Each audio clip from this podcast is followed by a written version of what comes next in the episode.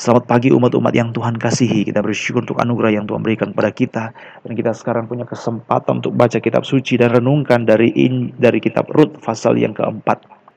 Kita Rut pasal yang keempat kita sampai pada bagian yang terakhir dari pada kitab ini yaitu tentang silsilah. Ini merupakan bagian yang tidak boleh kita lupakan begitu saja dan kita akan coba renungkan pada kesempatan pagi hari ini. Rut pasal yang keempat ayat yang ke-18 sampai ayat yang ke-22. Rut pasal yang keempat ayat yang ke-18 sampai ayat yang ke-22. Demikianlah firman Tuhan. Inilah keturunan Peres. Peres memperanakan Hezron, Hezron memperanakan Ram, Ram memperanakan Aminadab, Aminadab memperanakan Nahason, Nahason memperanakan Salmon, Salmon memperanakan Boas, Boas memperanakan Obed, Obed memperanakan Isai dan Isai memperanakan Daud. Sampai di sini pembacaan kitab suci.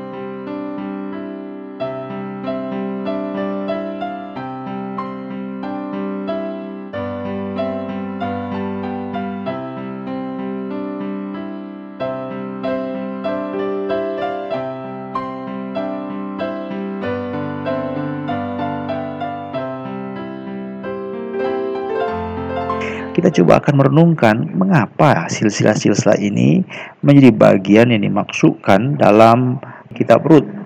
Yang pertama, ini jadi bagian yang penting dari perjalanan keselamatan. Istilah silsilah itu sebenarnya bukan hal yang baru bagi kitab suci ya. Dalam perjanjian lama ada begitu banyak silsilah-silsilah yang dicatat. Di dalam kitab kejadian misalnya, setelah manusia jatuh dalam dosa, dan akhirnya pasal yang kelima dua cabang. Cabang dari Kain orang yang berdosa dan cabang dari Set anak-anak Adam itu orang yang benar. Dalam perjalanan keselamatan Matius pasal 1 ada juga silsilah di sana.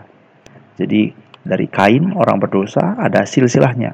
Dari Set anak perjanjian pasal yang kelima kitab kejadian ada silsilahnya Kemudian nanti diulang lagi sebelum Abraham pasal yang ke-11 diulang lagi kita silsilah. Jadi bukan hal yang baru sebenarnya dalam silsilah ini. Apa sih sebenarnya kepentingan silsilah? Sejarah keselamatan.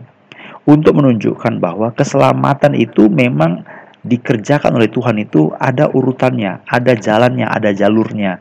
Cara Allah mengerjakan keselamatan itu memang melalui keturunan perempuan. Kejadian pasal 315. Jadi ada namanya keturunan perempuan. Namanya keturunan, lahir dari perempuan. Jadi keturunan demi keturunan, keturunan demi keturunan.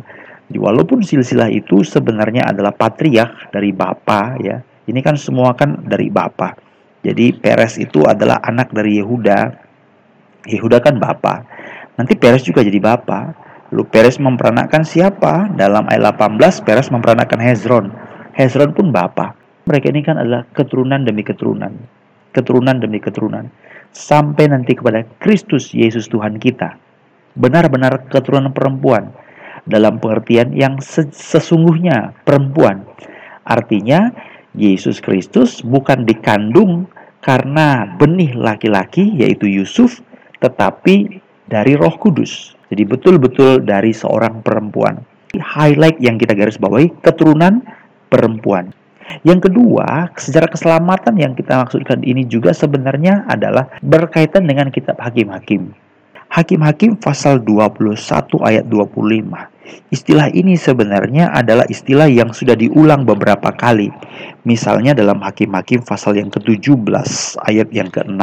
Zaman itu tidak ada raja di antara orang Israel. Hakim pasal 21 ayat 25. Pada zaman itu tidak ada raja di antara orang Israel. Poinnya adalah pada waktu itu tidak ada raja di Israel. Hakim-hakim itu sifatnya dia lebih pada suku tertentu, tidak semua bangsa Israel. Ataupun kalau ada dia semua bangsa Israel, tetapi dia sifatnya tidak bersifat otoritatif atau absolut. Jadi sama seperti Yefta di ditanya oleh orang Gilead, maka dia berusaha supaya dia diterima oleh kaumnya.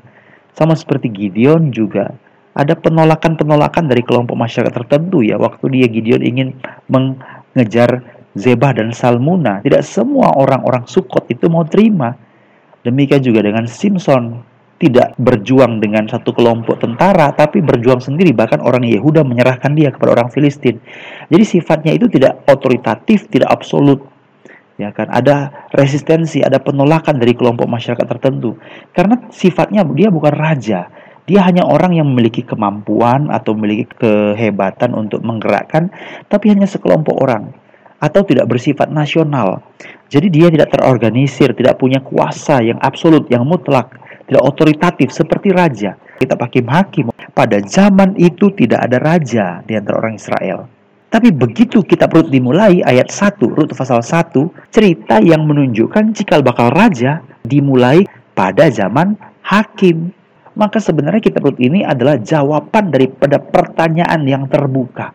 Jawaban daripada pertanyaan yang tidak terjawab dalam kitab hakim-hakim. Dari dua hal ini, pertama, sejarah keselamatan.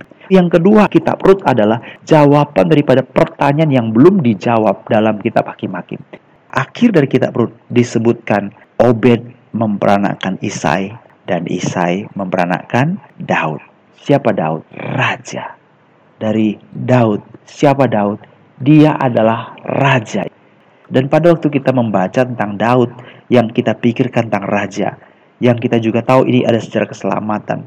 Ini adalah sesuatu hal yang bersifat absolut dan otoritatif kita tahu pada akhirnya iman kita itu adalah iman kingship, iman yang berkaitan dengan raja. Itu sebabnya Yesus Tuhan kita, dia adalah raja. Dan pada waktu Injil diberitakan, itu adalah Injil kerajaan. Sifatnya itu bukan menurut apa kata manusia. Sifatnya itu bukan menurut kesepakatan atau sosialisme. Sifatnya itu bukan menurut konsep manusia, tapi sifatnya itu menurut raja. Itu sebabnya waktu kita berdoa, hati-hati. Waktu kita beribadah, hati-hati. Karena sering kali cara kita menata pelayanan, aktivitas iman, kegiatan gereja, suasana-suasana yang kita bangun dalam gereja, yang kita bangun itu suasana apa? Suasana kebersamaan. Suasana apa? Suasana demokrasi. Suasana apa? Rapat-rapat dan minta-minta pendapat, rembuk dan saran. Jadi suasana yang dibangun itu suasana demokrasi. Tidak salah sebenarnya, kita adalah manusia berdosa ini memang memerlukan demokrasi. Tetapi pada waktu kita datang kepada Allah, kita harus sadar, kita datang kepada Raja. Dan harus kita bangun suatu dimensi, satu sisi, satu aspek yang menguasai iman kita. Aspek raja, aspek kerajaan. Ada absolut di sana, ada kemutlakan, ada keharusan, ada kepastian. Kadang-kadang tidak ada suara kita, tidak ada bagian kita dalam perjalanan iman. Keselamatan itu bukan karena hasil usaha kita, tapi semuanya adalah mutlak, absolut datang dari Allah yang sempurna. Iman kita. Demikian juga dengan doa kita. Kadang-kadang kita doa Tuhan 50-50 ya Tuhan. Aku doa itu usul, maunya begini, maunya begini, jalanmu begini, jalanmu begini. Kita seolah usul. Tapi begitu kehendak Tuhan mau dinyatakan. Kehendak Raja yang dinyatakan. Kalau Raja sudah bertitah, kalau Raja sudah berkehendak, hendaklah kita taat secara mutlak tidak boleh ada sesuatu hal yang bersifat negosiasi. Belajarlah kita untuk memahami bahwa aspek iman kita adalah aspek kerajaan. Aspek di mana Kristus adalah Raja. Perintahnya, titahnya, kehendaknya, firmannya adalah absolut mutlak yang menuntut ketaatan karena aspek kerajaan. Mari sama-sama kita berdoa, serahkan semua ke dalam tangan Tuhan supaya kita menjadi warga kerajaan surga yang taat, yang sungguh setia, yang sungguh mempermuliakan namanya. Mari berdoa.